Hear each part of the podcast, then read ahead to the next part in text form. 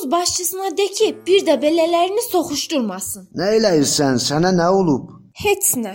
Sonki günü Daniyar incikliyini heç nə ilə buruzə verməyib özünü çox sakit və təmkinli apardı. Ancaq əvvəlkindən çox axsayırdı. Xüsusilə kisələri qaldırdığı zaman görünür ki, dünən yarası bərk açılmışdı. Bu da onun qarşısında günahkar olduğumuzu həmişə yadımıza salırdı. Əgər o bircə ağız gülsəydi rahat olardıq. Və bununla da bizim aramızdakı küsülülük unudulub gedərdi. Cəmilə də özünü elə aparırdı ki, güya heç bir şey olmamışdır. Özünü təkəbbürlü tutub ara bir gülsə də hiss eləyirdim ki, bütün günü özündə deyildir. Biz vağzaldan qayıdanda çox gec idi. Daniyar qabaqda gedirdi. Xoş gecə idi. Ağustos gecələrinə onların uzaq, eyni zamanda yaxın, həddindən artıq parlaq ulduzlarına kim bələd deyildir. Hər bir ulduz göz deşirdi. Onlardan kənarlarını sanki qırıb basmış başdan ayağa soyuq şüalarla parıldaşan birisi qaranlıq göydən sadəloh bir təəccüblə yerə baxırdı. Biz dərənin içi ilə gedirdik. Və mən gözlərimi uzun müddət ondan çəkə bilmirdim. Atlar həvəslə evə yeriyirdilər. Çərxilər çıngıllıqda xırçıldayırdı. Külək çiçəkləmiş acı yovuşan iyini, yetişmiş taxılın güclə duyulan ətrini özü ilə bərabər gətirərək ətrafa yayırdı. Bu qatran və tərləmiş qoşqu alətlərinin iynə qarışaraq adamın başını hərlədirdi. Yolun bir tərəfində üstünü it burnu kolları basmış kölgəli qayalar sallanıb durur. O biri tərəfində isə aşağıda söyüdlük və qovaq pöhrəlikləri arasında sumaq bilməyən korkoro çayı ləpələnirdi. Arxada harada isə körpünün üstündən gürültü ilə qatarlar keçib gedir. Və uzaqlaşdıqca çərxlərin taqqıltısını da uzun müddət öz arxasınca çəkib aparırdı. Sərində getmək, atların yırğalanan bellərinə baxmaq, Ağos gecəsini dinləmək, onun ətrini duymaq xoş idi.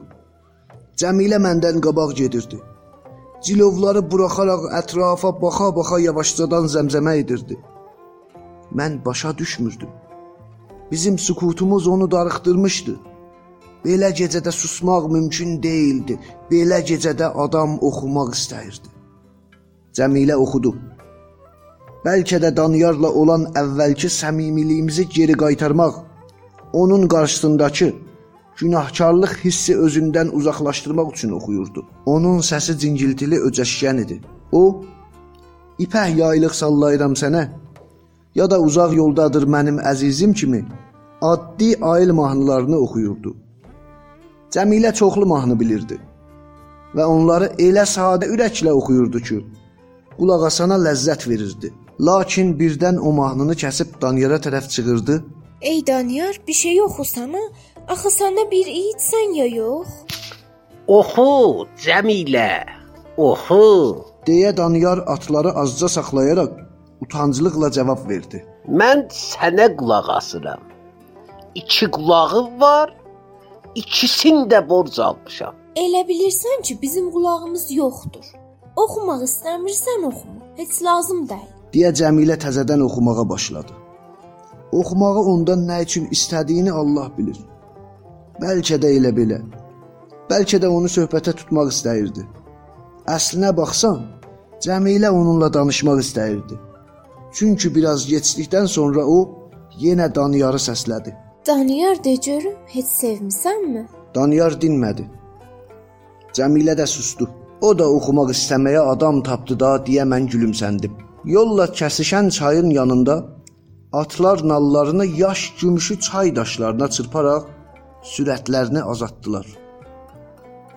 Çay keçidini ötdükdən sonra Daniyar atları qamçıladı və gözlənilmədən donuq, kəllə-kötür bir səslə oxumağa başladı. Dağlarım mavi pembe dağlarım Babalarımın toprağı, atalarımın məskəni Birdən onun dili dolaşdı. Öskürdü. Sonrakı iki misraı dərindən, sinədən gələn, biraz da xırıltılı səslə oxudu. Dağların mavi pembe dağların beşiğim benim. Onun səsi birdən yenə kəsildi. Sanki nədənsə qorxub sustu. Mən onun necə karıxdığını təsəvvür eləyirdim. Lakin onun bu ürkək, qırıq-qırıq oxuduğu mahnıda nə isə xariqül-adə bir həyəcan var idi. Səsi də görünür yaxşı idi. Heç inanmaq olmazdı ki, oxuyan danıyardır. Bir gör ha deyə mən özümü saxlaya bilmədim. Cəmilə də öz heyrətini bildirdi. Bəs sən indiyə kimi hardaydın? Oxu, oxu, ağıllı başlı oxu. Qabaqda işıq görünürdü. Demək dərədən vadiyə çıxırdıq. Oradan külə kəsirdi. Daniyar təzədən oxumağa başladı. Sonra səsi yavaş-yavaş güclənib bütün dərəni bürüdü. Uzaq qayalar da əks səda verdi. Məni hər şeydən əvvəl heyrətə salan mahnının özünün ehtiras və arzu ilə dolu olması idi. Mənə o zaman da və indi də bilmirəm, daha doğrusu təyin edə bilmirəm ki, başqasında ən gizli xəyalları belə canlandıran, bu cür həyəcan yaralda bilən təhcə bu səsdirmi? Ya da insan qəlbindən gələn başqa daha mühüm bir şeydir. Daniyarın mahnısını heç olmasa bir təhər oxuya bilsəydim. Bu mahnıda söz demək olar ki, yoxdur. O böyük insan qəlbini sözsüz açıb göstərirdi. Bu vaxtadək və bundan sonra da mən heç zaman belə mahnı eşitməmişdim.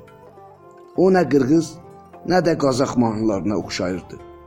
Onda həm birincidən, həm də ikincidən nə isə var idi. Daniyarın mahnısı hər iki yaxın xalqın ən yaxşı mahnılarını özündə toplamış və onları özünə məxsus şəkildə vahid və təkrar edilməz bir mahnıda birləşdirmişdi. Bu gah qırğız dağları kimi yüksələn, gah da Qazaq istəpləri kimi geniş yayılan dağların və istəplərin mahnısı idi. Mən dinlədikcə heyrətə düşürdüm. Daniyar gör nə daniyarmış. Kim bunu deyə bilərdi? Biz artıq istəplə yumuşaq hamar yolla gedirdik. Daniyarın mahnısı indi daha geniş yayılır, yeni-yeni havalar qəribə bir çevikliklə bir-birini əvəz edirdi. O doğrudanmı belə çox mahnı bilir? Ona nə olmuşdur? Elə bil o bu günü, bu saati gözləyirmiş. Onun adamlara heyrət və istehza doğuran qəribə hərəkətləri, xəyalpərəstliyi, yalqızlığa meyili, qara dinməzliyi birdən-birə mənim üçün aydın oldu. Mən indi başa düşürdüm ki, o nə üçün bütün axşamları çıxıb keşikçi təpəsində oturur. Nə üçün gecələr çayın qırağında tək qalır? Nə üçün başqalarının eşidə bilmədiyi səslərə həmişə qulaq asır? Və nə üçün? Bəzən birdən-birə gözləri parıldayır. Adətən səksəkəli qaşları niyə yuxarı dartılır? O qəlbən vurğun adamdır. Həm də hiss edirdim ki, o sadəcə olaraq başqa bir adama vurulmuşdur. Onun məhəbbəti başqa, böyük məhəbbətidir. Bu həyata, torpağa məhəbbət idi. Bəli, o bu məhəbbəti özündə, öz mahnısında gizlətmiş, onunla yaşayırdı. Laqeyd adam nə cür səsə malik olsa da, bu cür oxuya bilməzdi. Mahnının axırıncı əks sədası elə bil sönəndə onun yeni titrək həyəcanı mürgüləyən istəpi oyadırdı. Doğma havanın əzizlədiyi istəp də müğənnisini minnətdarlıqla dinləyirdi. İçini gözləyən yetişmiş göy zəmilər yırğalanır. Səhər parıltıları çöldə oynaşırdı. Dəyirmandakı qoca söyüdlərin yarpaqları xışıldayırdı. Çayın o tərəfindən tarla düşərgələrinin ocaqları tüstülənir və kim isə sahildə bir kölgə kimi ailə tərəf səssiz çapır, gah bağların arasında itib batır, gah da görünürdü. Külək oradan alma, çiçəkləyən sütül qarğı dalı ətrini və quru təzəh iyini gətirirdi. Daniyar ürəkdən xeyli oxudu. Füsunkar aqost gecəsi də susaraq onu dinlədi. Hətta atlar da bu icazkarlığı pozmaqdan qorxaraq çoxdan aramla getməyə başlamışdı. Daniyar birdən mahnısını lap zil yerində kəsdi və qıyvuran atları dörd nala çapdı. Mən güman elədim ki, Cəmilə də onun dalınca çapacaqdır. Ona görə də hazırlaşdım. Lakin o heç qımıldanmadı da. Romanın adı Cəmilə. Yazar Tengiz Aytmatov. Çeviren Gılman Musayev. Hazırlayan Fatıma Mir Hasanpur. Bu bölümde seslendirdiler. Rabi Cabir Purbagir Cəmilə Fatıma Nəcəfzadə Danyar Yaşar Nəgizadə Düzenleyen Saccad Müslimi Her zamanki çimin bizimle olun, bakışlarınızı bize tattırın. Bizim ahağımızın adresi Dastanca. D A S T A N C A